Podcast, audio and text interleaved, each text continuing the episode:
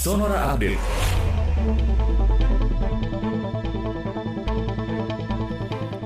Selamat malam. Kementerian Komunikasi dan Informatika terus melakukan investigasi menanggapi viral dugaan kebocoran data pribadi 279 juta penduduk Indonesia. Juru bicara Kementerian Komunikasi dan Informatika Kemkominfo, Dedi Permadi mengatakan, Kementerian menemukan sampel data diduga kuat identik dengan data Badan Penyelenggara Jaminan Sosial Kesehatan. Berdasarkan hasil investigasi sementara Kemkominfo, akun bernama Kots menjual data pribadi di Rate Forums. Data sampel yang ditemukan berjumlah 100 ribu data, bukan 1 juta data seperti diklaim oleh penjual. Satuan Tugas Penanganan COVID-19 Surabaya akan memaksimalkan bantuan genosi 19 dari PT YKP untuk pengetesan dan pelacakan kasus-kasus COVID-19.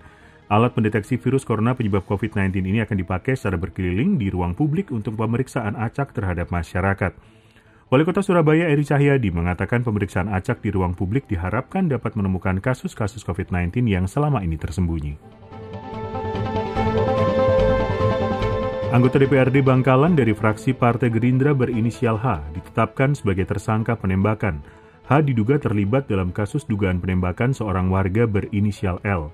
Kepala Satuan Reserse Kriminal Polres Bangkalan AKP Sigit Nursio Dwi Yugo mengatakan Korban berinisial L itu diduga mencuri sepeda motor di sebuah toko usaha milik H.